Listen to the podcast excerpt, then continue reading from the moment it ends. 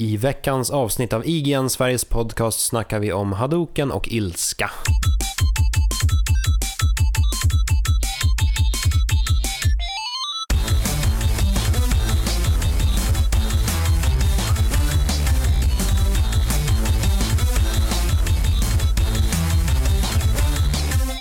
Hej och välkomna till IGN Sveriges podcast. Tack så mycket. 95. Hej, hej, hej. Hemskt mycket hej. Oj, oj. En vecka återigen. Hur är det med er? Det är bra. Det är lugnt. det, det, är- ja, det kanske är bra för Viktor, men det är ett stort tomrum i mig. Som jag känner behöver fyllas. Berätta. Ja, eh, jag lägger mig ner här på, på soffan i spelgrottan och eh, förkunnar att jag har väldigt svårt att hitta en ny stream på Twitch att följa. Jag, jag skummar igenom stream efter stream och jag hittar ingenting som är relevant eller som är roligt eller som fyller här. Jag har knarkat Twitch så länge nu, sedan, vad kan det vara, 2011, 2012? Och jag hittar ingen vettig podd, inte podd, ingen vettig stream att följa. Men vad är problemet? Är problemet att en stream du följde, eller en, en twitcher som du följde har lagt av, eller att du eh, helt enkelt har tröttnat? Jag har tröttnat lite och andra lägger av och streamar inte lika frekvent. Ja. Det är Ja. alltså dags för dig att börja följa eh, pappa Drejic och kolla Dota. Det är väl lite så här som våra podcastlyssnare börjar känna vid det här laget. Att fan, jag letar efter en annan podcast. Jag har tröttnat på det här nu. Ja. Finns det inga bättre podcasts än det här? Var, var hittar man egentligen det bättre alternativet till det här uppenbart eh, trasiga, ja vad man nu ska kalla det, ja, precis. fiaskot? Ja, men Twitch har ju ny funktion, eller ny och ny, men eh, hyfsat ny i att du, du kan ju följa spel nu och inte bara personer. Det vill säga att om någon går online med spelet Tetris så kommer jag se det i min feed. Jag har skrivit upp massa så här gamla retrospel nu. Åh, de här vill jag följa. För ibland så händer att folk streamar. Som häromveckan så tittade jag på någon som streamade Blitzball i Final Fantasy 10. Jag måste dock, som icke-Twitch, vad säger man, Twitchare? Twitch-följare? Twitcherino. Twi- Twi- Twitch bro, så, så kan jag tycka att om du nu är intresserad av dessa spel kan du inte bara testa att spela dem. Ja, Men det är ju, om man Spela sitter, lite men om, 10. grejen är att om man sitter, jag har två skärmar, om man sitter och jobbar eller någonting så vill man gärna ha på någonting i bakgrunden, någonting vid sidan om som man kan liksom, switcha över och titta lite på. Men ja, så att nej, Du vill- jag du kan vill ha inte ett- spela Du samtidigt. vill ha ett bakgrundsbrus helt enkelt. Ja, lite grann. Men kan du i så Ett fall inte... tacksamt bakgrunds, bakgrundsbrus. Har Ja. du provat Spotify? Nej, musik. Jag gillar inte musik. Åh, det är ju en märklig, märklig inställning detta. Ja, Du men du, man, du, sa, du sa Pappa Dreish också. Ja. Den här, eh, Pappa Dreish, han är dalmas. Dalmas är bland de bästa svenska klingande målen vi Ja. har i Sverige. Men det är så svårt att... Först så streamar han Dota, jag avskyr Dota. och sen, han är, alltså han, D- Dreish, han, han varierar så fruktansvärt i sin eh, volym. Så när jag tror att jag rattat in så går han upp och typ skriker och då typ spränger mina membran. Så han måste, han måste hitta en kompressor för att, kunna, för att jag ska kunna prenumerera på honom. Hur mår du David? Ljudnörden har talat. Jag mår bra, jag är ganska trött bara. Det känns jättelustigt att vara här i spelgrottan på Reset Media och vara de enda som är här när man kommer. Det är så att eh, vi nyligen har lämnat eh, Robot, speltidningen för de lite yngre spelarna och närmare bestämt den tyska versionen till tryckeriet. Så resten av eh, bygget stack hem runt eh, tre tiden, tre, fyra tiden. Och kvar satt jag med eh, en, ett podcastavsnitt som, som eh, behövde skissas upp och spelas in.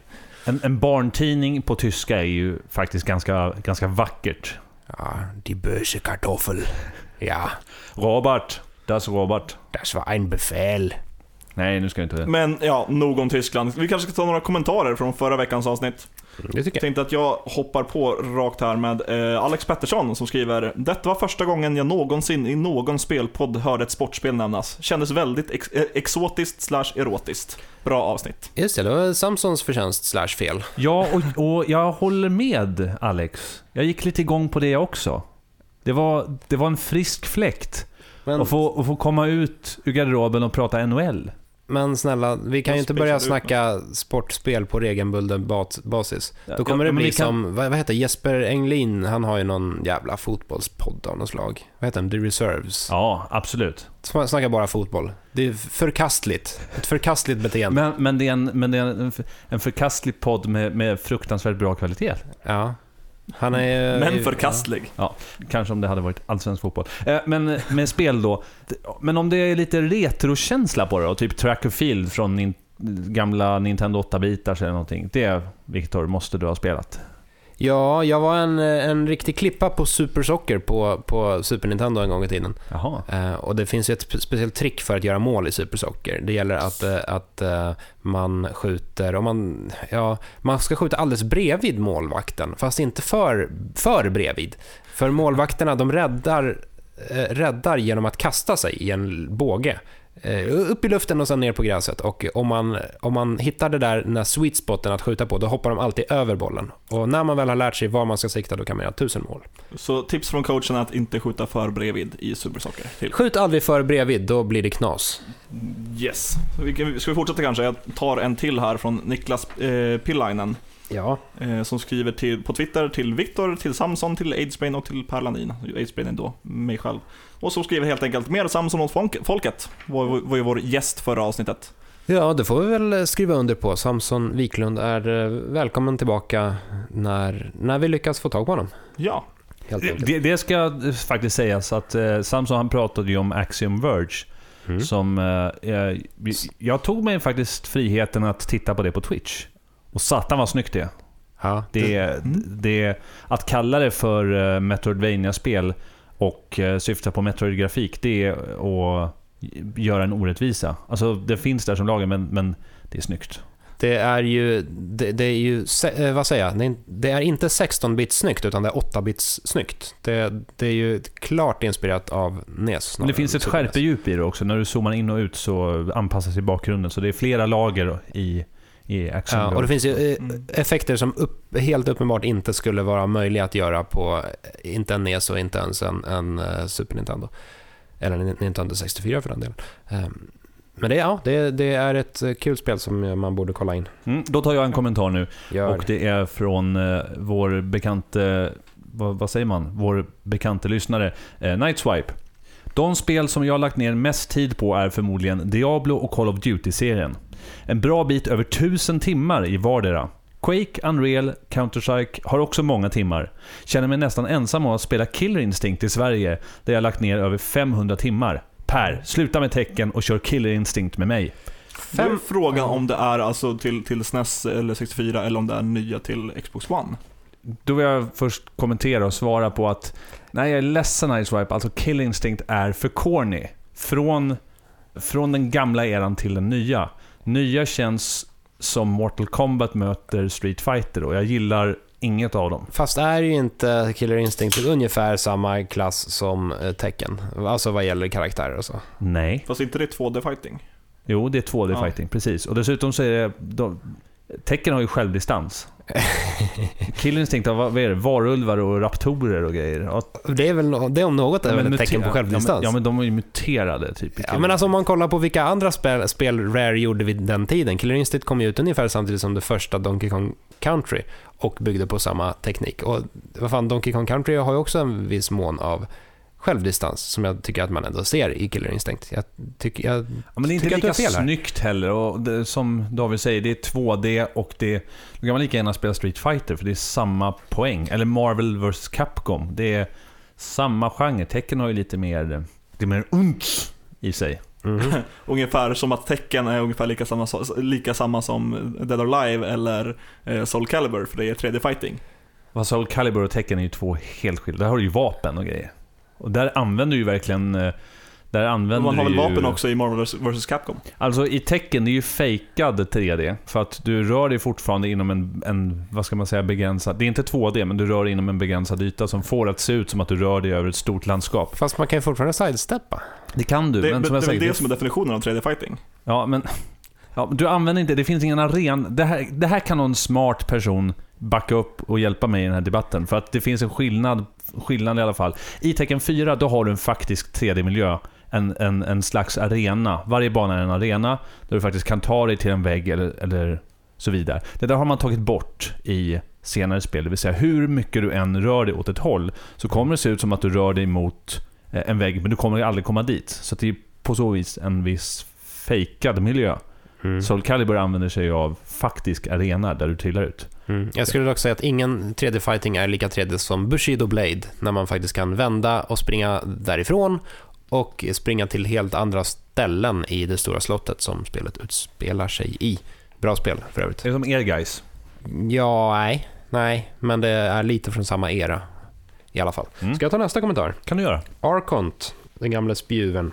Jag kan väldigt lite om vad som ingår i förra generationens spel, men att eh, något av det spel ni nämnde på något sätt kan komma i närheten av Portal känns för mig världsfrämmande. Och Just det, det det här eh, knyter ju an till att vi snackade om förra generationens bästa spel, eh, förra avsnittet helt enkelt. Precis. Slash played i World of Warcraft är så bortom sorgligt att jag ens om det räknades skulle jag nog inte erkänna det offentligt. Märklig mening det här Arkont.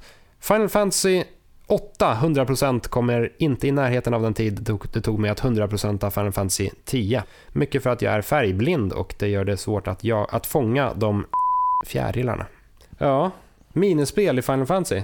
Jag vill minnas att det var ett ganska, eh, ganska vidrigt minispel när man skulle eh, typ racea med någon chocobo i, i Final Fantasy 10 också. Det här har jag svagt minne av, ja. Ja, man var ute på det där fältet, ett av, ett av de öppnare områdena och det var, det var grä, gräs och grönt och fint. Men så var det en jävla chocobo Det där. finns många skitiga inslag i Final Fantasy 10, som att springa över det här fältet där åskan slår ner. Just det, men snygg ås- åska dock. Fina blixtar. Ja, men det är svårt att uppskatta. Jag vill minnas att det här vredgade mig något oerhört. Men, men nog om det, det kan vi ta lite senare i podden kanske. Ja, hint hint, nudge nudge. Vill du kanske ta den sista kommentaren i så fall då? Det kan jag Jag göra. har två kommentarer kvar. Det har vi. Ja, det har vi. Jag kan jag ta Anders Stensson. Har lagt ner ohälsosamt mycket tid på första The Sims. Det gick så långt att jag började se världen i behovsmätare som ska fyllas. La även ner en väldans massa tid i Skyrim, där jag i ett av husen man byggde har ett bibliotek med alla böcker som finns att hitta i spelvärlden sorterade i bokstavsordning. Har nog också 600 timmar klockade i Civilization 5 samt en gammal sparfil från Perfect Dark. Där jag och några vänner spelade multiplayer under håltimmarna på högstadiet. Nådde till slut rank 7 killer. Jag, eh, alltså den här Skyrim-grejen är ju väldigt rolig. Det är fantastiskt. Jag, jag började dumpa av skräp på ovanvåningen hos när, en av vapenförsäljarna. Så där bara kastade jag saker på golvet. Så det låg massa gamla drakskallar och halvdåliga rustningar och skit där uppe. Men affärsinnehavaren lät mig göra det i alla fall. Sen eh, så slutade jag med det beteendet. Mm. Ja, så min första instinkt när jag läser om det här med Skyrim, det är ju att, att kalla Anders för nörd och sno hans mjölkpengar. Men jag har ju gjort typ detsamma. Fy vad elakt. Så då kanske han kallade dig nörd och snor dina mjölkpengar. Det här med att han fick spela under håltimmarna väcker några frågor hos mig. Jag minns att jag inte fick spela på några eh, av skoldatorerna. Men på, när jag kom till gymnasiet så fanns det en datorsal där vi hade hört att här får man spela. Så vi alla hade satt oss och, och riggat upp för Counter-Strike. Och så hade någon, hade, hade vaktmästaren, eller inte vaktmästaren, typ husteknikern kommit in och bara Vad gör ni? Så här får ni inte göra, stäng genast av. Och när han sa det så började han gå runt och trycka på reset-knapparna på alla datorer. Hej. Så att vi fick inte ens möjlighet att stänga av och bara Vad fan håller du på med? Så han eh, fick panik och agerade irrationellt. En anledning att bli arg. Mer om det senare. Hint hint. Ska jag ta den sista då? Ja. Det är Magnus Nord som skriver till eh, mig och Viktor på Twitter. Please no more Bloodborne. I en parentes här, lite skämtsamt från en gammal gubbe. Ja, vi har Mer väl det kanske... senare i podcasten. Hur blir det med den saken Viktor? Blir det mer Bloodborne? Eh, det, det vet du kompis. Right.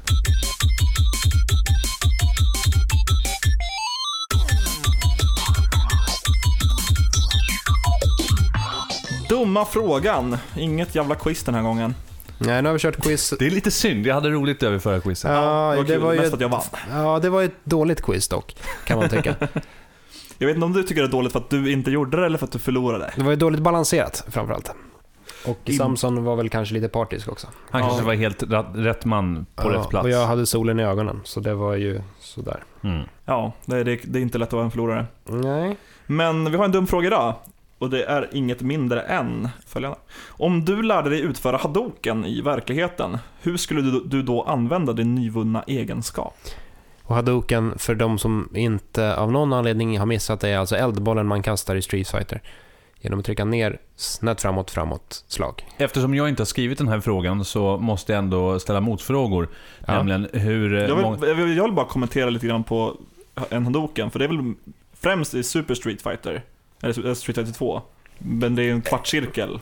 Ja, ja, ja. Attack. Ja, var det inte det jag sa? Neråt, Ner, framåt, framåt. ner snett framåt. Jaha, Framåt. jag har den ner framåt. Den lyssnar inte på mig. Men herregud. Eh, Det ska väl kanske dock eh, medges att den går ju typ inte att göra i Street Fighter 1. För Stre- Street Fighter 1 har så vansinnigt dålig kontroll så även när man vet hur man gör en så pass enkel sak som en Hadouken så går det inte. För nej, det spelet är bortom all räddning. Per ville klargöra någonting. Nej, jag ville fråga då för att Mm. så att säga styra upp riktlinjerna. Ja. Hur, hur, vad motsvarar en hadoken eh, i värme, eh, utstrålning, eh, megaton, kilokraft, eh, Eh, 15 tvärs över. impact? På den 13-gradiga IGN Sveriges podcastskalan. Jag måste ju veta om den är dödlig fråga. Till exempel om jag, om jag skjuter den på dig. Tappar du, tappar du eh, 50% av din livskraft och- då? eller? och- precis. Om vi ska utgå från Street Fighter så kastar man ett par Hadoukens på någon så kommer, eh, hur många kan det krävas? Fyra, fem stycken. Då kommer ju personen svimma åtminstone. Så det är ju åtminstone jämförbart med riktigt hårda slag. Om jag lägger en hadoken på en bil, hur mycket skada gör den? Det är ungefär som att du hade tagit knytnäven och drämt den i bilen så hårt du Det är kunde. typ, den har sönder backspegeln eller någonting. Lite så. Den blir sned. Det blir en liten buckla. Men eh, en Hadouken, man, man, när man gör den i framförallt Street Fighter 2 så ser man ju konturerna av händerna i själva eldbollen.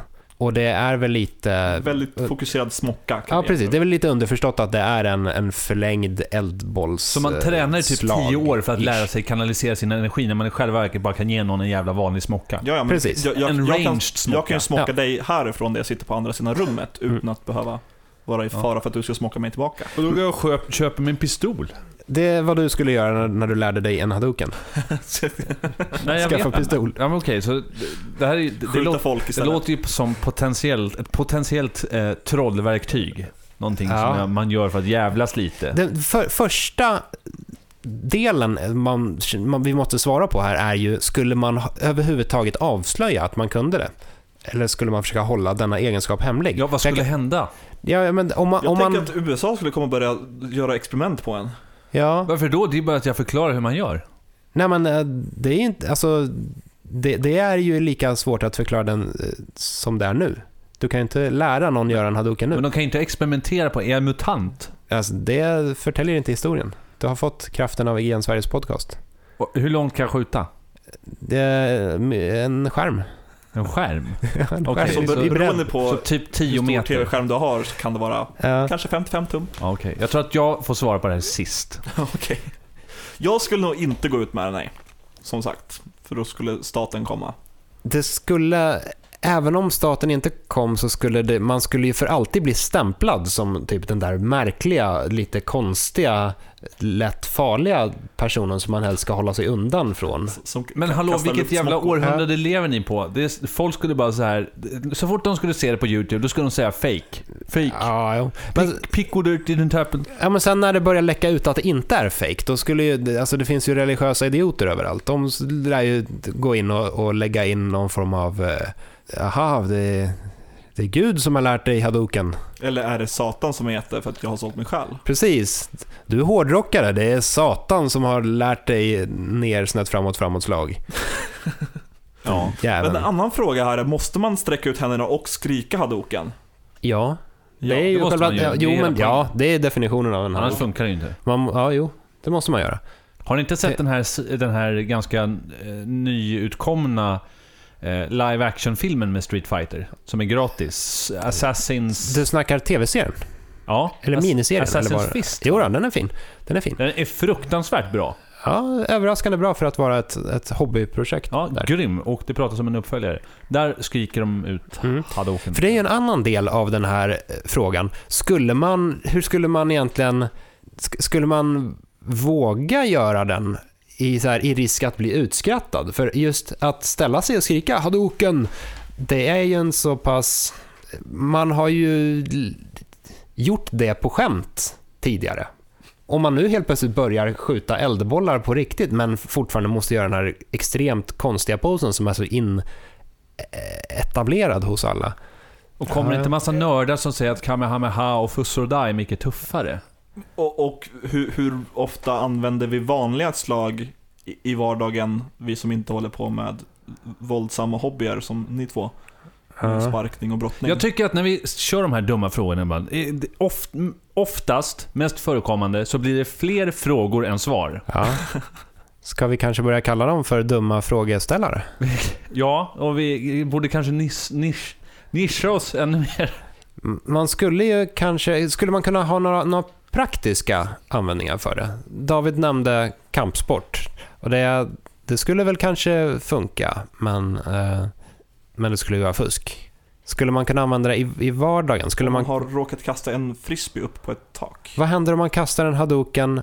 En frisbee skulle man kunna få ner. Mm. Vad händer om man kastar en hadouken på en kycklingfilé som är frusen? Ja. Kommer den värmas upp då? Nej, Eller kommer det bara bli som att det var man... det jag frågade man om värme förut. Ja, men, Ja, men det lite... måste ju vara någon form av energi. Jag skulle ju tippa på att det är både värme och någon Du slags får inte eh, brännskador, du svimmar ju bara. Du får inte brännskada av en, av en uh, hodok. Jag skulle tro sudoku. att kyckling, den frusna kycklingfilén blir ljummen. Lite bättre än en mikro. Okej, vem skulle vi använda den på? På. Vem? Ja, vem? Du är så våldsam. Vad? Vad frisbeer på tak. Förmodligen varandra. Det skulle bli en eh, rolig podcast ändå. Skulle man kanske kunna klippa in lite Hadouken-ljudeffekter här? Ja, vi blir ju inte mycket klokare av den här Nej. dumma frågan. Nej. Det var i sanning en dum fråga. Ja, Peter Molyneux kan få en hadouken.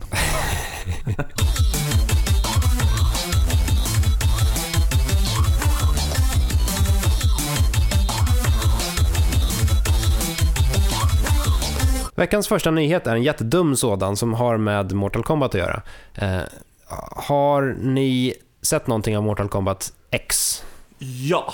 Eh, nej. Det är ett vå- våldsamt, våldsamt spel. Mortal Kombat-spelen blir allt eh, våldsammare. Och de Eh. går lite i vågor också, huruvida de är bra och dåliga. Ja, det, snarare har de varit inne i en lång, lång svacka skulle jag säga. De första spelen var ju bra på sitt sätt, men sen Mortal Kombat 4, som var det värsta 3D-spelet, så gick de ner sig i skiten rätt rejält. Men sen i samband med Mortal Kombat Nio. Ja, det, spelet som bara hette Mortal Kombat men som egentligen var Mortal Kombat 9. Men som inofficiellt har börjat kallas för Mortal Kombat 2011 för att det var då det släpptes. Eh, då ryckte serien upp sig lite. Och nya Mortal Kombat X eller 10 eh, är väl lite samma sak. Att det är ett, ett ganska kul Mortal Kombat. Men i alla fall, Är det i, bättre än Killer Instinct? Det, alltså själv spelar jag hellre Mortal Kombat än Killer Instinct ska jag faktiskt erkänna. Men jag har hört att nya Killer Instinct ska vara ganska bra. Men å andra sidan är nya Mortal Kombat också ganska bra. I alla fall, i Mortal Kombat så gör man eh, fatalities som många vet. Man, Fatality. när man vinner en match då, eh, då gör man någon extra grym avrättning av motståndaren. Ja, inte grym som är cool, utan grym som är brutalt Ja, man eh, sliter hjärtat ur, ur den eller rycker ut ryggraden eller liknande. Och det var bara i det första spelet. De har blivit väldigt mycket värre under årens lopp. Nu i alla fall så eh, till Mortal Kombat X så kan man köpa fatalities. Man kan köpa enkla fatalities på, på Playstation Store. Och då köper man helt enkelt ett visst antal enkla fatalities för en liten summa pengar. Fatality bundle. Exakt, och då, då blir de mycket lättare att använda. Man får en mycket lättare knappkombination att trycka in och sen har man ett visst begränsat antal sådana här easy fatalities att, att slänga, slänga på när matchen är slut. Vad är det han Vad säger vi, bu eller bä? Jag säger nog... Eh, Ledande fråga. jag säger nog att det är bra. För att... Eh, Va? Oj. Ja, för att jag vill minnas att någonting som avskräckte mig när jag provade Mortal Kombat för, för första gången försökte jag på Fatality, men det var för svårt. Ja. Så att då fimpade det. Det fanns ingen anledning. Att göra det enklare är faktiskt ganska bra. Jag tror att jag skulle vara villig. ja. Borde Men, man men just... införa så man kan ja. betala för uh, typ auto-targeting i LOL så det blir enklare att använda abilities där? Nej, Men det är ju samma sak. nej, för att det påverkar ditt gameplay direkt. Fatality är matchen redan avgjord. Ja, det går ju att argumentera för att en fatality är bara en kosmetisk grej. Men den, ja, jag måste säga att det här var något av det konstigaste, konstigaste versionen av en mikrotransaktion jag någonsin sett. Det, den är lite konstig. Jag vill se statistik på vem som faktiskt köper också. Det, det, det känns inte som en inte vem här, som köper men hur, hur mycket det säljer. Det känns som en sån där grej som borde vara implementerad trots allt. Och att, men, men samtidigt så... Det, det är ju hela Mortal Kombat. Hela grejen med Mortal Kombat är ju antagligen dess fatality. Mm. Vad jag undrar, vad, vad heter producenten? Ed Boon, han har jättestora ögonbryn. Mm, och Helt enorma. och, och han ser, han har inte självdistans till de här. Nej, nej, nej. Utan han, han Det är menar, menar på fullaste allvar att det här är det tuffaste som finns. Ja, men grejen är att han, Ed Boon har suttit och äh, arbetat med Mortal Kombat sedan det första spelet. Han har gjort det här sedan tidigt 90-tal. Och det är som, det är, det är, man märker det när man snackar med honom, att det är hans, hans liv. Han, han brinner verkligen för Mortal Kombat. Att Mortal Kombat under många år var en ärligt talat jävligt sunkig serie som inte hade speciellt många bra kvaliteter alls. Det, det, liksom, det hör inte till saken. Han älskar sin spelserie och han, han älskar att göra sin spelserie. Och det, det är kul med sådana människor, även om spelen inte är kul. Är Ed Boon ett geni eller eh, galen? Ett galet geni. Ja, eller ja, ja, han är väl egentligen mest amerikansk, skulle jag säga. Men inte lite mer nidbild av amerikansk? Ja, men alltså, Mortal Kombat är ju så här svulstigt och överdrivet och blodigt och jättevåldsamt på ett ja, men så här underhållningsvåld goes bananas vis. Och Ed Boon är väl mest bara...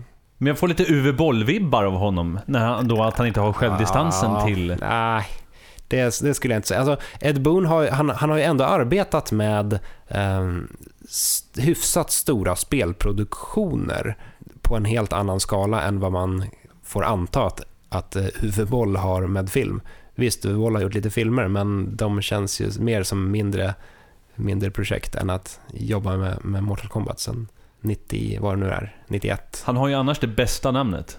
Boon. Ed Boon. Ja, och eh, han gjorde ju Mortal Kombat tillsammans med John Tobias. Eh, De var ett radarpar ett tag där och sen slogs namnen ihop till Noob Saibot, vilket alltså är Boone och Tobias eh, baklänges, som blev karaktären Noob Saibot. Har vi några fler nyheter, tro? Det har vi. N- nyter? Eh, Nyheter? eh, ännu ett spel. Härom, härom veckan så pratade vi om, om långa och eh, framförallt dåliga speltitlar. I veckan så blev det klart att eh, en av mina gamla favorit-RPG-serier ska få en uppföljare. Det är nämligen Star Ocean 5 som är utannonserat. Star Ocean 5 Integrity and Faithlessness. Sug på den, vi tar det igen. Star Ocean 5 Integrity and Faithlessness. Integritet och... Trolöshet. Det, det här är ju... Det är ju skit. ja. Vad arg! Nej, det är... jag Kommer är här inte och arg. Jag, jag har spelat eh, Star Ocean 2. Ja, det är ju- just tvåan är, är ju det man har spelat mycket. Ett jävligt bra japanskt rollspel. Vi har, jag har säkert nämnt det här tidigare någon gång, men anledningen till att jag köpte det var att det fick högt betyg i tidningen Superplay. Och då, det fick över 90. Jag tror, eller det kanske till och med fick 90. Och allting som var över 90, det var köpvärt. Allt Mm. som var 89 och ner, det var bara skit. Ja, det är sagolikt. Mycket kändes... Eh, japanska rollspel tillämpade ju ganska mycket active time battle, alltså turordningsbaserade strider, men Star Ocean kombinerade det där på ett ganska fint sätt. var, var en, en aktiv strid som man pausade ganska mycket för att initiera kommandon i, vad ska man säga, realtid.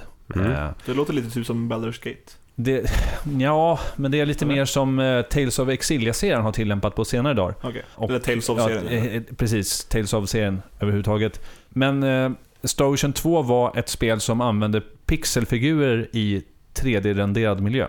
Ja. Och ganska nedtonad eh, anime-manga-stil. Det var ett rymdepos av Ja, eh, Framförallt, underbara proportioner. Ja, framförallt minns jag det som att här, det var hyfsat tight. Det var ganska snyggt, det var, hade ganska bra musik, hade bra flöde i, i striderna. Och storyn minns jag förvisso inte så mycket av, men jag minns inte att jag störde mig speciellt Men mycket. den blev det. lite mumbo jumbo mot Ja, slutet. men vilket japanskt rollspel blir inte det? Ja. Star Ocean 3 följdes upp med det, jag tror att den släpptes på Playstation 2.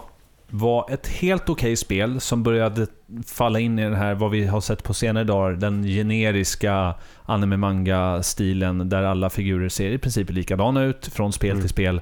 Fortfarande med, med samma typ av stridssystem.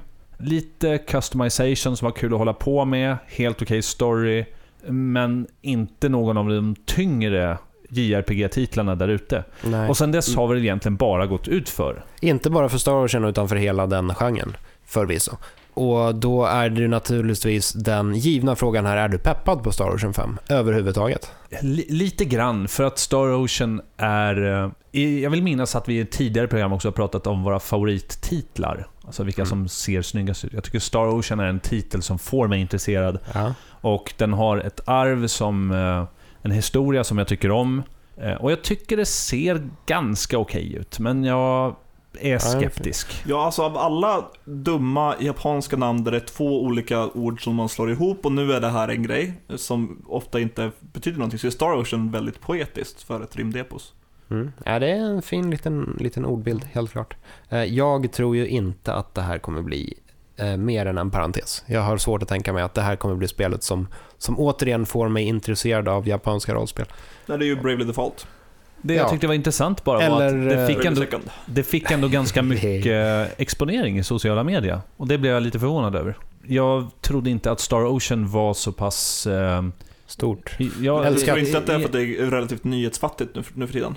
Kanske. Och att det här är en, det här är en gammal grej man känner igen. Jag tar sista nyheten också. Jag snor den mitt framför ögonen på alla andra. Och det är helt enkelt att Nintendo har visat upp eh, mer av de nya Mario Kart-banorna. Och då gör jag så här att eh, spelet innehåller för övrigt eh, det här andra DLC-paketet som kommer släppas till Mario Kart 8. Det innehåller åtta stycken banor. Fyra är retrobanor, det vill säga omgjorda banor från tidigare spel. Fyra är nya. Och jag vill att slänga sju av de här banorna åt helvete och eh, fokuserar enbart på eh, banan Big Blue från F-Zero. Och jag blir så glad över att, eh, över att återse eh, Big Blue. Att de slaktar små, små delar av F-Zero och stoppar in det i ett spel som det inte hör hemma i och skiter i huvudserien. Ja, det är Det alltså... är lycka. Det, det är ju tyvärr, det är ju tyvärr höjden av lycka för mig på något sätt. Alltså jag kommer ju inte, jag kommer inte bli F-Zero lyckligare än så här. Det, här. det här är vad jag får, så jag, jag tar de här brödsmulorna och så bara... Jag tycker det är lite misslyckat ändå. Big Blue känns som, åh, vårt färggranna Mario Kart 8, nu måste, hur, vad kan vi ta in här? Ja, Big Blue passar perfekt in. Hade de inte kunnat ta in lite mer eh, Mute City? Men Mute City var med i förra DLC-paketet. Så, Oh. eh, och Big Blue är, den, är ju den naturliga fortsättningen. I första så fick man eh, Mute City med den klassiska Mute City-musiken.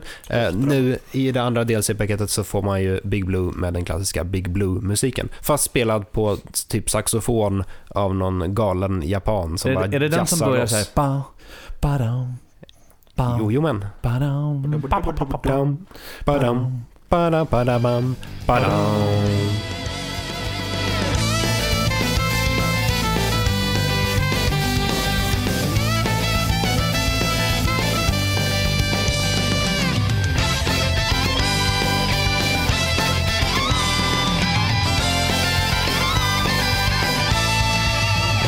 Den är mäktig. Det är bra musik i Det är skitbra. Zero. Bra musik Ja. F-Zero. Och det är även väldigt bra musik på sitt sätt i Mario Kart 8. Den är ju, den är ju den är fullständigt vansinnig för det mesta. Det är ju så här xylofoner och saxofoner som folk kastar i huvudet på varandra. Eh, Men den är jävligt välproducerad och det, det har även kommit ut en film eh, på inspelningen av den här musiken. Så när man får se hur någon, någon snubbe sitter och basar, någon sitter och trummar och det, det, det är kul att Men har se. de visat banan också? Ja, den ser ut som Big Till, Blue. de, tillämpar de det här upp och nedvridna Ja, perspektivet? ja, ja, absolut. Men och det gör har hela Mario... en grej med Mario Kart 8 sen det Ja. kom. Det är väldigt mycket upp och ner och... Ja, men just därför jag tänkte att Big, Big Blue är annars ganska platt. Så jag menar hur har Beroende på vilket det spel man Ja. spelar. Den är platt i ettan, men det är alla banor i ettan. I F-Zero X så är den ju en cylinder. Eh, Ja, men då är det perfekt. I F-Zero GX så är den lite, lite tråkigare. Vad tänkte jag säga? Vad fan tänkte jag säga? Att F-Zero, fuck yeah. Ja, det är väl... eh, Någonting med studion, musik. Ja, nej, jag, jag tror att jag var, jag var klar. Jo, just det. Man har ju ökat hastigheten också i Just Mario ja. Kart. Så tidigare har 150 cc varit den högsta hastigheten. Nu har man höjt det till 200 cc.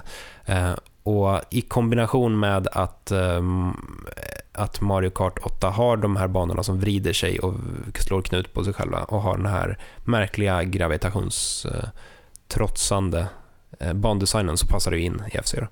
Så det är, inte, alltså det är inte konstigt att de lägger på lite F-Zero. Jag kollade upp lite statistik också eh, och tyvärr är det så att Mario Kart 8 som är det sämst säljande Mario Kart-spelet någonsin har sålt markant bättre än det bäst säljande F-Zero-spelet någonsin.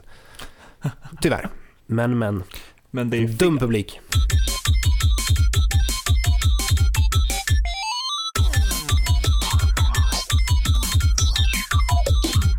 Varje vecka spelar vi spel, så även denna vecka. Vem vill gå först ut? Jag kan, jag kan köra lite först.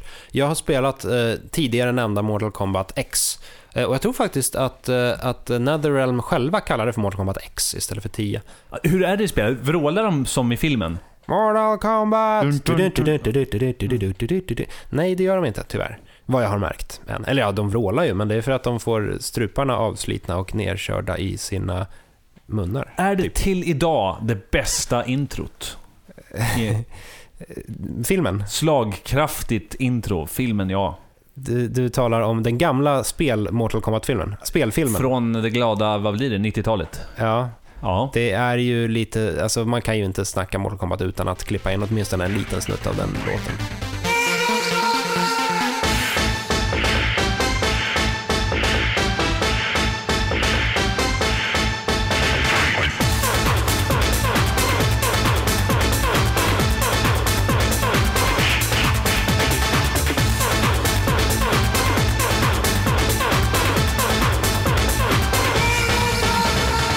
I övrigt så är ju Mortal Kombat 10, som vi var lite inne, eller Mortal Kombat X, förlåt, eh, som vi var inne på lite tidigare, att det, det är ett förvånansvärt bra och genomarbetat Mortal Kombat ändå. De tidigare 3D-spelen, de hade problemet att tidig 3D såg dumt ut och när Mortal Kombat försökte vara eh, verk- verklighetstroget och rått och farligt så blev det bara parodiskt när dessa halv halvfula 3D-gubbar dödade varandra. Nu, eh, nu är Mortal Kombat bra mycket snyggare och då, då har det återigen den här motbjudande splatterfaktorn som det alltid har byggts på. Så som jag... Ja. Har väl kvar från, från eh, senaste Mortal Kombat, den här röntgenvyn. Man Precis. knäcker käkar och... Precis. Som eh, även finns med i. Sniper Elite. Ja, just det, när man kan skjuta Hitler i pungen om man vill. Precis.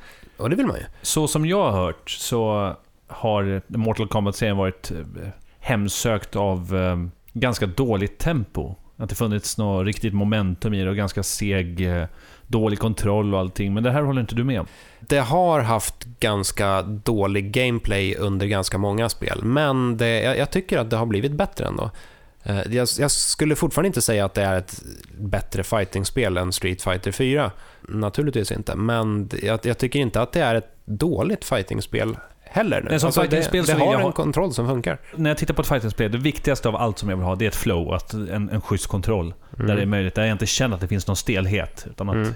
jag är i... Att jag har en koppling till min karaktär. Jag kan känna karaktären. Mm. Jag skulle säga att Mortal Kombat X är bo, lite både ja och nej där. Det, det, man, har, man känner absolut att man har kontroll över sin karaktär, men det har en viss mån av stelhet. Och jag tror att det här hänger ihop med hur, hur Mortal Kombat måste fungera för att det ska vara Mortal Kombat. Eh, plockade man bort en viss typ av rörelser då, då skulle det bli något helt annat. Alltså det, det är ju samma sak som Alltså, Street Fighter känns ju på ett speciellt vis och Tekken känns på ett speciellt vis och man kan inte gå allt för långt bort från de här för då blir, det, då blir det något helt annat. Det kanske inte blir dåligt men det blir inte längre Street Fighter och Tekken. Och samma sak med Mortal Kombat. Men det är, jag skulle inte säga att det har dålig gameplay. Lite, lite stel gameplay men, men absolut, eh, absolut klart godkänd. Och eh, väldigt, väldigt matig single player-upplevelse ändå. Många fightingspel nu för tiden eh, handlar ju bara om om eh, att slåss mot varandra och det, det är ju som, sig, som det ska vara egentligen. Man ska ju köra fightingspel mot varandra. Men jag gillar ändå när det finns lite någon form av story mode, lite upplåtsningsbara grejer. Soul Calibur var ju väldigt bra på det på sin tid. Och Mortal Kombat X har lite av det tänket också. Man, det finns ett läge som även fanns i nian när man går runt på en kyrkogård och så bara låser man upp artwork och nya fatalities och nya kostymer och eh, bonusprylar eh, för pengarna som man tjänar genom att spela spelet. Så går man och strör pengar omkring sig, kring sig på en kyrkogård. Har den ett story mode? Ja, ja. Det, har, och det, och det är ju det, det är nästan det märkligaste. Det har, det har något av den mest ambitiösa storymoden någonsin. Är det Ed Boon som skriver den måhända? Det kan vara det, med sina ögonbryn och allt. Han, han har skrivit... dem i bläck och... ja, han bara gnuggar sig mot manuspappret och det, det, blir, det blir episkt detta. Han, det, det Ed Boon har skrivit med sina ögonbryn, det är en, en story i 12 delar tror jag det är. Den är uppdelad i 12 kapitel eh, baserat på 12 olika, olika karaktärer. Så man kör med en karaktär i kanske fyra matcher och sen byter storyn synvinkel till en annan karaktär. Det här gillar jag, för då kommer man bort från det här single player, eh, att alltid ha, att en karaktär, du får flera lager av berättelsen för att en karaktär alltid besegrar alla andra. Ja, här är det inte så, utan det är, det, det är egentligen, som sagt, det är, det är ett smart sätt att berätta en story på. Det är bara väldigt märkligt att Mortal Kombat av alla spel är spelet som, som utnyttjar detta. Och inte bara det, det är ofta så att storyn förklaras genom flashbacks och, och tillbakablickar. Och så här, folk håller långa, långa dialoger som typ ah, fem år tidigare och så bara, jaha, då slogs de här med varandra och så där, 20 år tidigare, då hände det här. Så, och, så, och nu hoppar vi över till en annan sida av konflikten.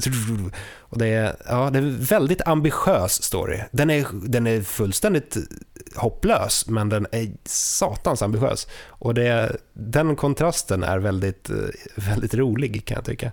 Jag, jag satt ju och, och garvade mig igenom stora delar av storyn. Men skrattade du åt eller med? Ja. Ja, det, det blir ett klart ja där faktiskt. ett sjungande ja. Ja, jag, alltså jag, jag tycker inte, jag, jag, är väldigt glad att storyn finns där om jag säger så. Jag är glad att den existerar. På samma sätt som jag är glad att Mortal Kombat existerar. Eh, och eh, på IGN-skalan så skulle jag väl kanske sätta någonting i stil med en åtta. Nej, ja, jag, jag är väldigt dålig på att hantera den här Du tvekar, skalan. du vill sänka till en sjua. Nej, det vill jag inte. Jag skulle snarare kanske vilja höja till en kanske 8,5. Får vi ha decimaler? Du inte. Nej. Nej. Det är ju tjusningen. Ja, men då kanske det blir en 8 då. En stabil 8. Klart godkänt. Av 13. Det tackar vi för. Mm. Har ni spelat något? Ja, jag blev så sjukt inspirerad av Samson i förra avsnittet. Han är en inspirerande man. Han sa ju det, han hade gått runt och frälst och nu frälste han även ja, oss. Mm. Eh, nu, är, nu är jag med i Axiom Verge-kyrkan. Eller Apex Twin som jag konstant blandar ihop den här titeln med. Ja. Så ja, jag köpte Action Verge dagen efter vi spelade in förra avsnittet och mm. spelade lite grann. Jag har, jag har kört kanske 5-10 minuter. Jag har kört eh, så jag har hittat mitt första föremål, sprungit tillbaka till check, eh, savepointen och sparat. Men du, utöver vapnet man får precis i början? Ja, precis. Ja, ja. Jag har spelat och dödat tre bossar tror jag ungefär. Och ja, det är väldigt spännande att ha spelat Ori and the Blind Forest tidigare och varit så himla glad över att det har kommit ett nytt Metro Metrovania när jag har upptäckt den här serien på riktigt genom att jag spelat Super Metroid i januari och så nu mm. kommer Action Verge. Jag vet mm. inte riktigt hur jag ska förhålla mig. Vad är det bästa äh. av de här två? För de är väldigt annorlunda. Av uh, Action Verge och Ori and the Blind Forest? Ja, precis. Ja. Ja, du får ju en, en total jävla överdos av Metroidvania plötsligt. Ja, det, det, jag tycker det är lite Men fint. start i Super Metroid. Han har upptäckt genren kan man säga och nu så bara och överös... återupplivas ja. ja du, Och du överöses med, med bra titlar. Ja, och ja. Action Verge är ju, de är väldigt annorlunda i och med att Action Verge är, flörtar väldigt mycket med, med det retroiga.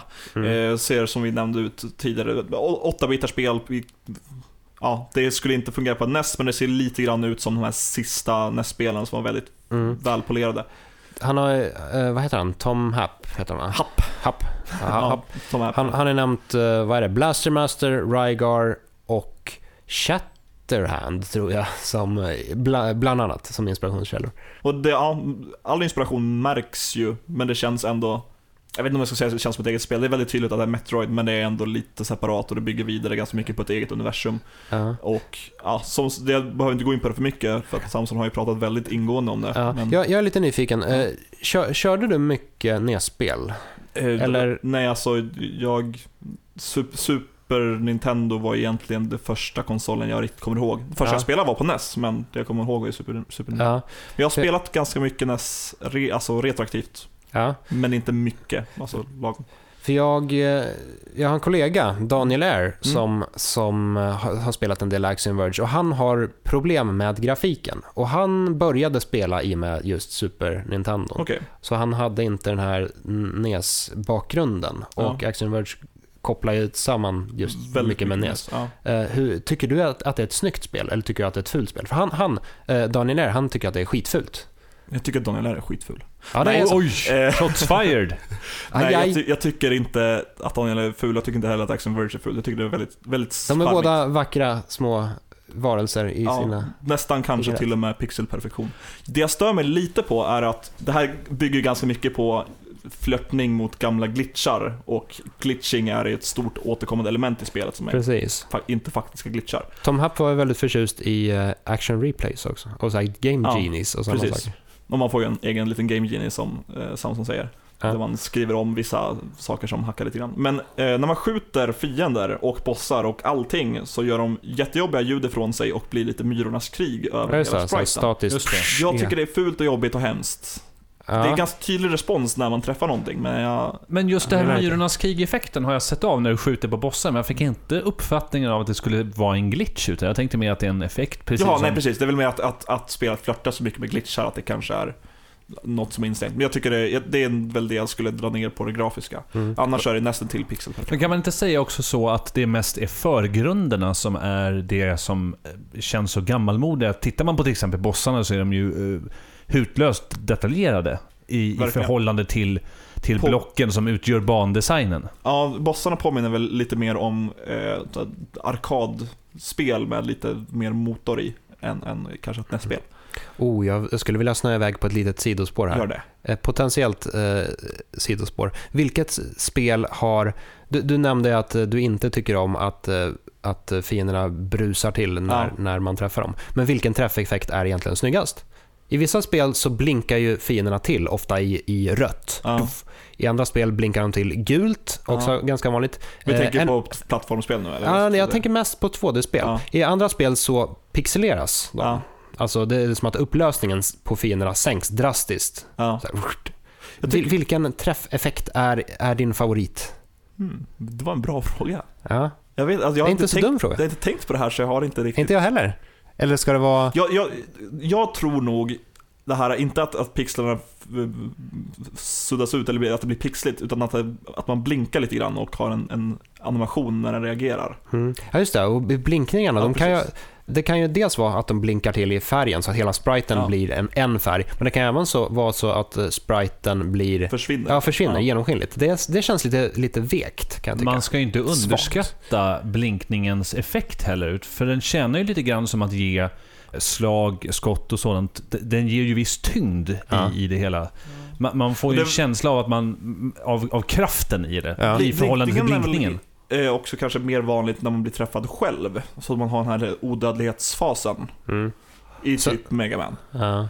Fan, det här är ett, ett, Det här är ett ämne. po- potentiellt Ja. jätteämne. Instinktivt så tänker jag på Final Fantasy 6, för jag inbillar mig har en ganska simplistisk blinkning. Men, jag, men med lite mer tanke så kan man nog komma fram till något mer. Vi kanske ska återkomma i det här Ja, ämnet. vi, vi, det tycker jag absolut vi gör. Vi, Vi vi, stoppar undan detta och, och kör in det i pipelinen. Lyssnare, hör av dig med dina favoritblinkningar.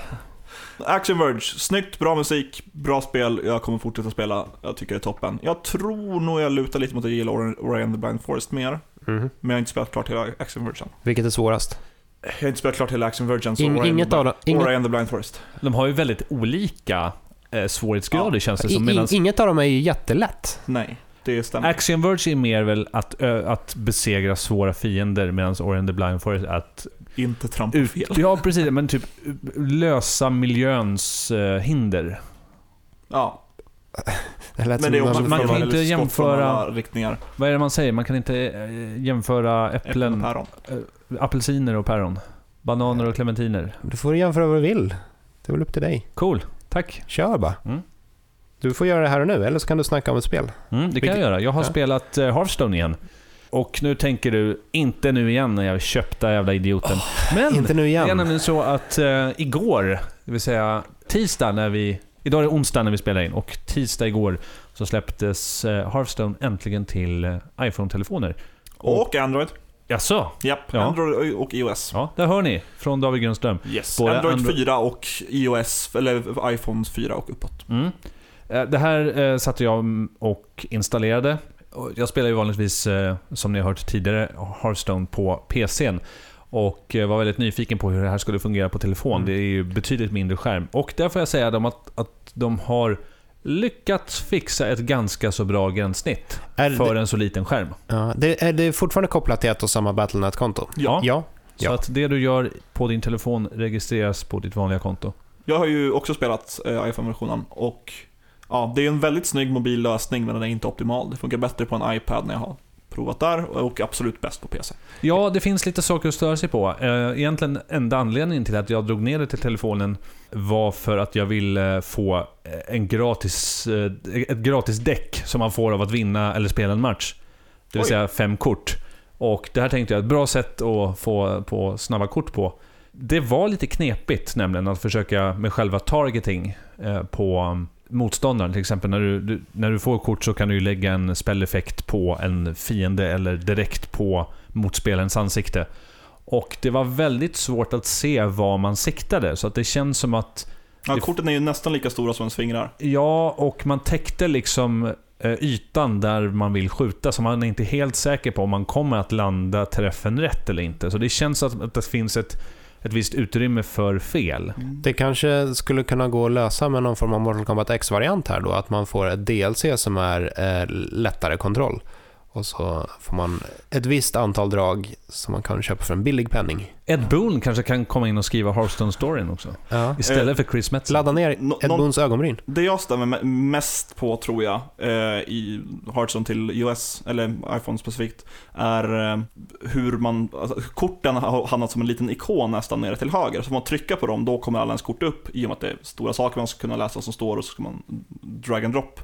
Men det blir ganska klumpigt. För man trycker på där, drar ut sina kort och sen trycker man på... Ja, nej, det, det, det kändes som att mycket av flödet i Hearthstone som ändå är väldigt snabba, ofta intensiva matcher om det inte är för långsamt att sitta och tänka. Så det flödet försvann. En fråga, går det att spela mobilversionen mot någon som spelar PC-versionen? Ja, det gör det. Går det att Det- spela på en padda? Ja. Ja.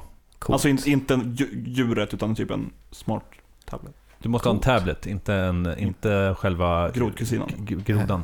Kan vi klippa in Frogs theme? Nej, det kan vi inte göra. Fan, jag vill. Du, du, har, du har fått en kvot. Ja, vi ska här är och nu införa Det är lite en, som 30 stycken enkla fatalities. Vi ska införa en motbok för... Du, du, en motbok för hur många ljudeffekter ni kan lägga in i den här podcasten. Och om ni vill ha fler så får ni köpa DLC. -et. Ja, Är det så här vi fundar vår pod- podcast? Ja, det blir grymma grejer. Eh, Jag är lite sur, på att man inte ännu har mergat ihop eh, konsolversionen och PC-versionen av Diablo. Det skulle jag gilla. Ja. Men eh, sen funkar de ju på lite olika sätt de också. ligger lite efter också. Men det får sägas att där, där Blizzard gör ibland riktigt dåliga gränssnitt och ibland så gör de riktigt bra gränssnitt. Till exempel, Starcraft 2 är ett utmärkt exempel på dåligt gränssnitt. Diablo, konsolversionen och Hearthstone är exempel på hyfsat praktiska gränssnitt. Ja, Och vilket- men, Där, Hearthstone har några små... ja, ja, men det, det är fortfarande en jätteoptimal eh, lösning för en telefon. Kul ändå också att se hur snabbt eh, poppis det blev. För jag har sett folk som har tweetat idag om hur de har sett folk som har spelat Hearthstone i tunnelbanan. Och det där tänkte jag, det där är bara humbug. Tills jag själv stod i tunnelbanan idag, åkte in och såg folk, eller rättare sagt en person som spelade Hearthstone på mobilen. En person kan också vara folk. Var den personen David Grundström? Definitivt inte. Jag och David har ju till Magnus Nords stora glädje även spelat lite mer Bloodborne. Ja, det här... vänta, jag ska sätta mig... Riktigt, nu måste jag göra mig bekväm så får ni Vi prata kanske om. inte ska tjata så jättemycket. Oj, jag är på sjunde Ha det bossen. bra. Jag är på sjunde bossen nu, hur är du? Ja, men jag vill ju checka in lite grann. Hur långt har du kommit? Jag är ute och lallar i Forbidden Forest. Hur långt Jag har med. du kommit? Ja. Och eh, jag... Har När du jag dödat några fler bossar sen sist? Du hade dödat fem då? Ja, jag dödade knäckehäxan, jag har dödat den blodiga snubben. Eh, sen tror... Jo, jag råkade väcka en boss ute på, på väderkvarnen. Eller det var en gubbe som stod och åt på ett lik. Då gick jag fram och pokade honom. Då blev han Ja, det arg. är inte en Ursäkta boss. mig min gode man. Eh, Om man springer in igen så glitchar den, som du snackade om varulvarna. ja, just det. kopplat bort mig nu. Det borde, jag, borde man kunna göra, ja. Men då är vi ungefär på samma ställe. ja. Knäckhäxan var kul. Ja, och det, det- jag, när jag spelade så, dels så, så hör jag ju Lost Woods från, från Zelda i huvudet. Ja. Jag har mest bara ångest. Eller- Säckgubbarna kommer komma.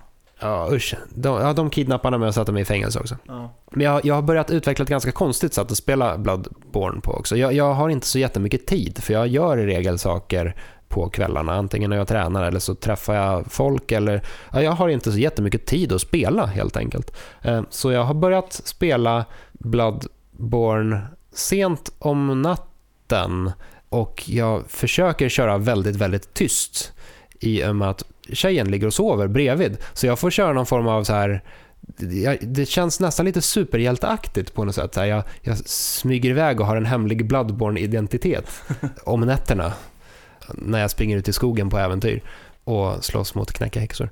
Nu har Per Landin somnat dessutom. Absolut inte. Det är jätteintressant. Ja, eh, vad heter spelet du snackar om? Kommer du ihåg det? Ja, det är Bloodborne. Bra, bra där. Och Knäckehäxan eh, noterar jag, det tycker jag är en bra benämning på en boss. Ja, alltså, jag vet inte hur mycket man borde gå in på det, för jag skulle Nej. säga att det är spoilers hur den funkar, men det är väldigt annorlunda från Jag, andra bossar i... jag gillade den striden. Jag gillade den, den striden skarpt. Jag tyckte att det Otroligt var... simpel, men väldigt kul. Ja, Jag tyckte att det var den kanske roligaste bossstriden hittills. Absolut roligast av hittills. Ja, nu lämnar vi Bloodborne Ja. bakom oss.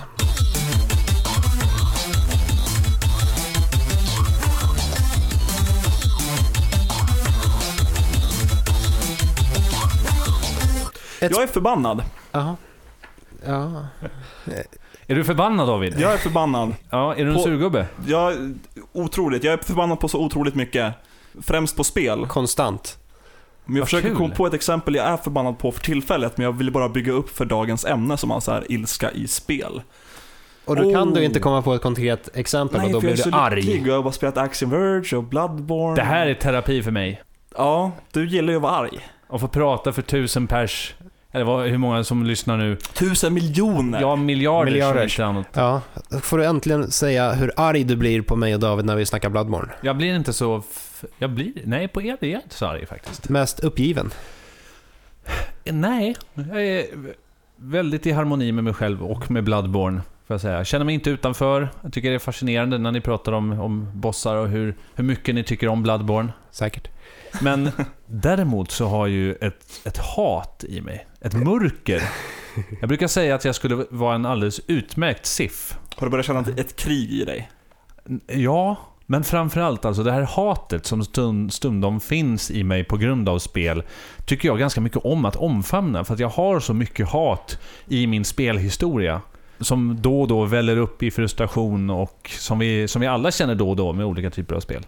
Men, Förutom vissa personer kanske, men... men vad, vad är det som gör dig arg i spel? Hmm. Var, var, var, varifrån kommer detta hat? Är det spel som inte funkar eller är det spel som... Är, Kanske, kanske ska ja. börja med, brukar ni bli arga när ni spelar spel? Är det något återkommande eller något som händer ibland? I, jag brukar sällan bli, bli arg när jag spelar spel. Ant, antingen spelar jag spel som är så pass tyvärr lätta att, eh, att jag inte har något att bli arg på. Eller så spelar jag spel som är så pass bra att de känns eh, hyfsat rättvisa. Okej, jag trodde svaret skulle vara att du inte har någon negativ känsla i kroppen, men... Jag har i regel inte några känslor i kroppen alls. Jag är som ett slags eh, skal som är fullt av små, små sladdar och kretskort. Jag skulle säga att jag eh, var mycket mer arg i, på single player förr i tiden. När man var eh, liten och dum. Man kunde bli arg för att ja, man klarade inte bossen, man försökte för tjugonde gången, man gjorde någonting fel, man hade ingen liksom, analys över hur ska man överkomma det här hindret. Nu har man gamefax. Och då var det väldigt mycket frustration över varför tar jag den bossen? Men idag så är jag nog mycket lugnare när det gäller single player-upplevelsen. Däremot i multiplayer så har jag otroligt lätt för att bli arg. För där spelar du på helt andra premisser. Där är du, nu tävlar du. Och jag är en tävlingsmänniska av rang som hatar att förlora. Som blir oerhört frustrerad av att känna mig otillräcklig. Men du Och- Per, det är ju bara på skoj. Det är ju bara ett spel. Det är bara ett spel. Ja, precis. Och Bra, nu bygger ni upp det här. Nu, nu, nu känner jag, nu Mörkret. känner jag hur det pirrar i kroppen här. Oh. Ja, men ta det lugnt, det är bara ett spel, det gör väl inget. Eh, det, det, alltså, Du kan inte pausa när det blir... alltså jag, jag, jag har fördelen att ofta se ut som en väldigt glad person. Och jag låter kanske glad ibland. Men inne i mig så bor en djävul. Och folk kan se när den här djävulen börjar komma fram. Eh, folk, har till och med, folk har till och med kunnat identifiera när jag blir förbannad. För då ser de hur jag biter i läppen. Och jag ska illustrera det här för David och Viktor ungefär hur det ser ut. Och när det, när det kommer, då vet folk att shit, nu så har det börjat gälla saker. Nu börjar Per bli förbannad. Och folk gillar att påpeka det. Och typ, min familj kan ställa sig upp och Titta, titta nu Per, nu Per sur, kolla. Eh, Vilken, ursäkta att jag säger det, men vilken elak familj du har. Ja, fruktansvärt. Du vet inte vad jag får stå ut med. Att de pekar på det så att du blir elak. Ja. Nej, men för att komma till det här i alla fall. Jag har kunnat bli riktigt... Eh, jag har fått såna här... Eh, två riktigt stora utbrott som jag kan komma på. Och det är i Starcraft Brood War. Vi spelar en vänskapsmatch. Vi snackar alltså sent 90-tal, snackar 98. Jag vill till och med påstå att det här är 2004. Oj, 2004-2005 ungefär. spelet börjar bli gammalt. Och jag spelar då tillsammans med min syster och två kompisar, kanske någon till, i en så kallad Big Game Hunter-match. Det var kartan där du hade eh, extremt mycket resurser för att kunna bygga upp en armé och eh, åtta stycken baser. En mittpunkt. Där du i princip kunde skicka ut då i mitten och sedan gå in i någon av dina motståndares bas. Eller om du byggde flyg, flyga rakt in i ens bas. Den här matchen höll på ganska, eh, ganska länge och det här var ett spel som jag ansåg mig vara ganska bra i. Därför fanns det prestige i det. Och det var väldigt, väldigt nog, viktigt för mig att jag, ville, jag skulle vinna den här matchen. När jag sitter där så känner jag hur, hur hjärtat pumpar högfrekvent. Jag tar beslutet att anfalla en av mina kompisars bas nere i det sydöstra hörnet. Jag är placerad i östra hörnet klockan tre. Plötsligt under det här anfallet och jag sitter, fan vad, det, här går, det här går enligt Keikaku. Det här går enligt plan. Så ser jag hur, precis när jag har börjat anfalla min ena kompis, hur kompisen ovanför mig i basen klockan ett sveper in i min bas. Och det här är när mitt adrenalinpåslag är så pass stort att jag, när jag inser att jag kommer inte att vinna den här matchen, så ställer jag mig upp och kastar mitt headset, allt vad jag har, i golvet. Och har sönder mitt headset. Och den här reaktionen, direkt efter så tänkte jag, vad, vad har jag gjort? Varför gjorde jag sådär för? Så jag satte mig sen Lite på... som man gör efter ett mord. Lite grann. Jag, jag, jag hör Man att sätter av egen erfarenhet också. Jag satte mig på sängen och självrannsakan. Vad, vad, vad, vad har jag gjort? Och, och jag har hört i efterhand också att folk bara, hur de tolkade det här, bara, "Eh, Per, vad, vad hände? Hallå? De hörde någonting. Också som man reagerar på ett mord. Vill, vill ni höra det andra också? Ja. Eh, Hemskt gärna. Ja, det här är alltså samma, samma lägenhet. Samma match. Samma lägenhet. Jag har ett utfäll, utfällbart tangentbord av trä. Ett nytt headset. Eh, ja, ja, du säger det. Ni, ni köpt skinande blankt. Silvertejp Och jag, jag har börjat jobba på, nu har jag börjat jobba på mentaliteten och allting. Nu har jag insett att nu ska allting bli bättre. Nej men vad hände med headsetet? Vadå vi säger det? Det här var jätteintressant. Jaha, ja, ja, det gick sönder. Det är trasigt. Ja, okej, för jag trodde när, när jag frågade, hade ni ett headset, säger du vi säger det, då tolkar jag det som att du hade silvertejp. Ja, jag hade väl någon... Ja, okej. Nej, det hade jag inte. Okej. Det andra, supertrasigt. Ja. Gick inte att laga, gick inte att rädda. Nej. Nu sitter jag och spelar World of Warcraft och eh, kommer till ett skede då vi har downat en svår boss. Då har jag en historik av, som, som jag upplever folk kan tolka det annorlunda, men jag upplever det som att jag är en person som aldrig prioriterades loot. Det vill säga bra rustning, bra svärd, eh, etc. etc. Och nu så droppar en, eh, ett föremål som är riktigt bra och som jag vet är tilldelad mig. Då händer det att en person ninjalotar den här. Mitt framför ögonen på mig. Det vill säga på, på, på, på ett sätt då, fast jag har vunnit eh, tärningsrollen och allting, Och så blir det soulbound. fair and square. Han plockar den. Gör att, att han inte längre kan ge den till mig eller någonting. Jag skriver febrilt till Dude, that was mine! Hallå, kom igen, jag vann den fair and square. Haha, noob, svarar han. Och då, då kommer det här raseriet i mig. Så jag tar min hand högt upp ovanför huvudet och drämmer rakt ner i eh, det utfällbara bordet av trä där mitt tangentbord står. Ja. Bordsskivan klyvs. Tangentbordet åker i golvet. Gjorde du en liten, liten hadoken?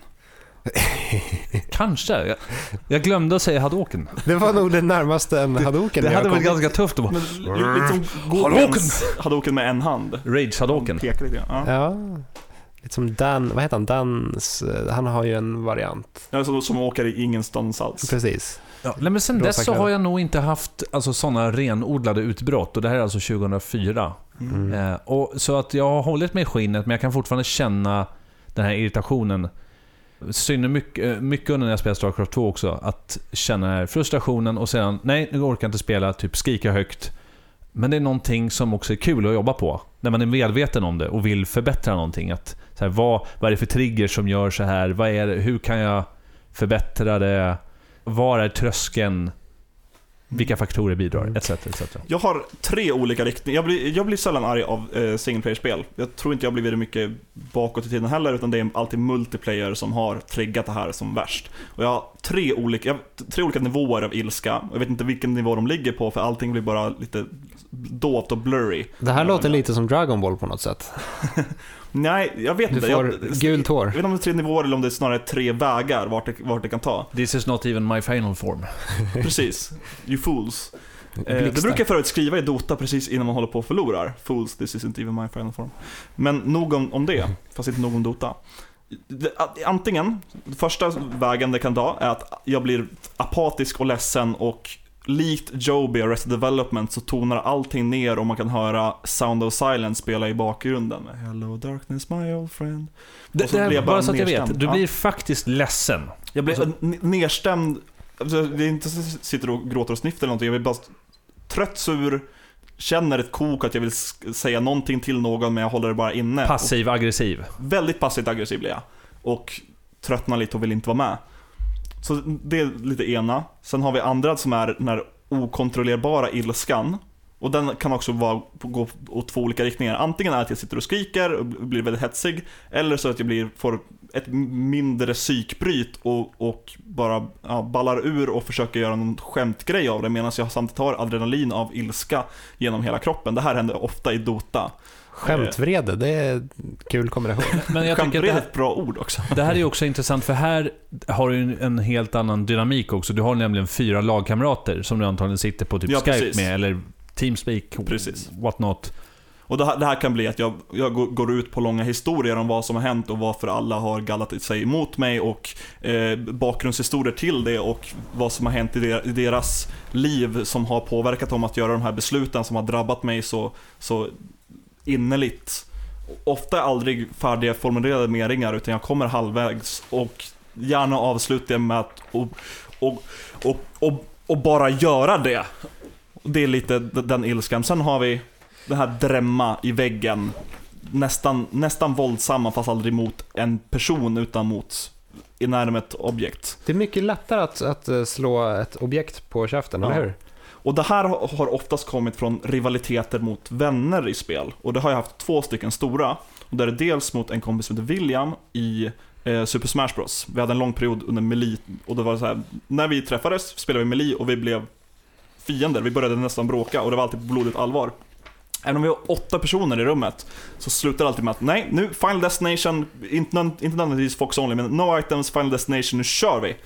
Och så var det någon gång när någon kom och petade lite med ett glas framför skärmen för att reta och skratta. Och Han, han kände sig kanske lite utanför för att vi bara tog över spelet och bara körde flera rundor för att bevisa vem som var bäst. Men jag, där small jag av helt när det var lite, lite glas, lite, lite i hörnet och drämde in det i väggen så det krossades. Och både jag och min kompis William var överens om att det var hans fel.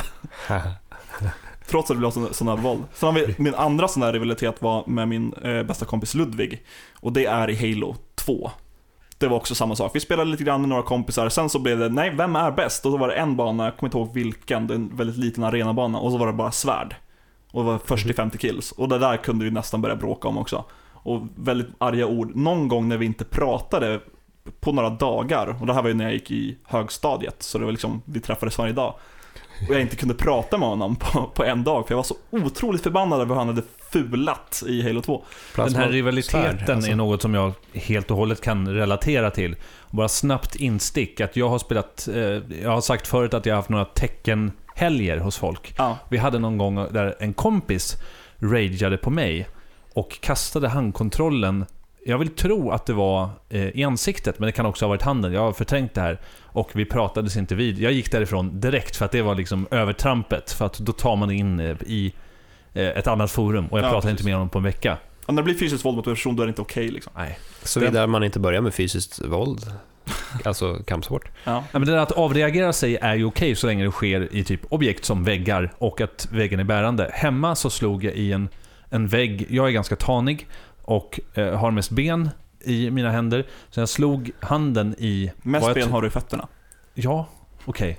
Men nu slog jag handen i vad jag trodde var en betongvägg och jag hade typ ont i handen i flera dagar. Och kunde inte spela tv-spel.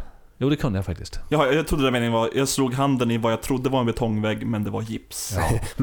Men det var min rival. Viktor, du verkar vara en fredens lilja. Ja, Blir, jag- har, du, har du upplevt något sånt här? Ja, jo, absolut. Det har jag gjort, men inte på senare år. Jag, har, jag är ganska harmonisk i mitt spelande nu för tiden. Jag hade också en rivalitet en gång i tiden i Wave Race 64. Men det gick till så att vi lånade en kassett fram och tillbaka. Kanske har sagt det här tidigare. Vi bollade en och samma eh, Wave Race 64-kassett fram och tillbaka under hela min gymnasietid. Så under tre års tid så filade vi mm, på våra stunt mode poäng. Jag slog alla hans poäng, sen fick eh, eh, han låna kassetten, då slog han alla mina poäng, då lånade jag tillbaka kassetten. Och så bollade vi så. Och, så det, det blev en ganska, ganska fredlig rivalitet då, för man kunde ju ta det i sin egen takt. Eh, men jag har haft sönder en vägg i alla fall. Jag spelade Soul Edge, första Soul Edge till Playstation 1 och så körde jag eh, Story Mode. alltså Story Mode till Soul Calibur, eller? Precis, eh, Soul, single Cal- Soul player ändå. Calibur 0. Precis, det är någonting som går, går igenom mitt, i mitt fightingspelande uppenbarligen. Jag gillar single player-delar och story modes. Men det var, jag kommer inte ihåg exakt vad den gick ut på, men jag tror att det var en bana som på något sätt hade någon kvicksandsmekanik, att man var extra långsam eller så. Sjukt frustrerande. Och sen till slut efter att ha dött på den där alldeles för många gånger så, så flippade någonting och då tog jag helt enkelt min armbåge och drämde den så hårt jag kunde i väggen och då visade det sig att det var en gipsvägg så det blev, eh, alltså det, det gick, gick inte hål, hål i den men det blev en, en grop i väggen som sedan var tvungen att spacklas över. Eh, och sen samtidigt som jag gjorde det så skrek jag bara rakt ut KUK! Och eh, min mamma var hemma då. Eh, så hon tittade in i rummet och, och frågade vad sa du? Och då fick jag lite små panik där och drog snabbt till mig. Jag, jag sa skjut! Eh, jag spelar ett skjutspel här. Och då lät hon mig vara. Alltså jag tycker ändå, jag gillar, jag blir glad av att höra att även du kan, Kan- gå bananas. Kan ta, kan ta ett sånt ord i min mun.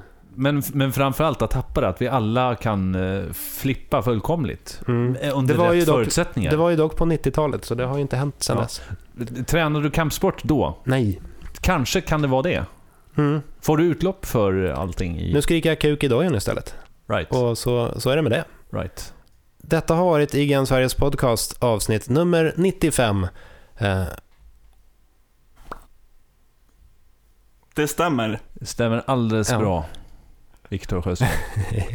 Och vi har alltså avhandlat nu ilska och är lite avreagerade och kan inte riktigt forma meningar. nej. Vilket Det- spel har gjort dig arg? Eller varför har du blivit arg när du har spelat spel? Återkom gärna i våra kommentarer så kan vi läsa upp det i nästa avsnitt. Vi kan gärna också svara på den dumma, dumma frågan. Vad, om du hade lärt dig Göran Hadoken, hur, var och skulle du använda det? Berätta gärna hur ni tacklar er ilska också. Det är sånt är jag alltid intresserad av. Man behöver all hjälp. och Berätta gärna om du tacklar av ilska. Vem du tacklar omkull i ren ilska. Ja, och det här kan du då berätta på exempelvis i kommentarsfältet för det här inlägget som du hittar på se.ign.com. Du kan också skriva till oss på vår Facebook-sida, där heter vi IGN Sverige. Du kan skriva på vår Twitterkonto, där vi också heter at IGN Sverige. Eller så kan du skriva till oss personligen. Jag heter at Aidsbrain. Jag heter at Viktor Sjustrom. Jag heter At Perlandin. Yeah! Hell yeah! Det är ett coolt namn. Tack. Coolt Twitter-namn framförallt. Mm. Till nästa vecka så får ni ha det jättebra och så syns vi och hörs. Puss hej.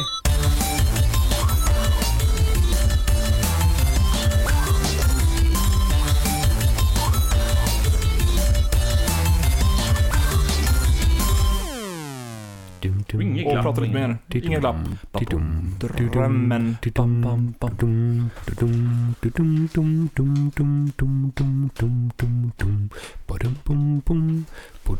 Ska vi bara köra den? eller?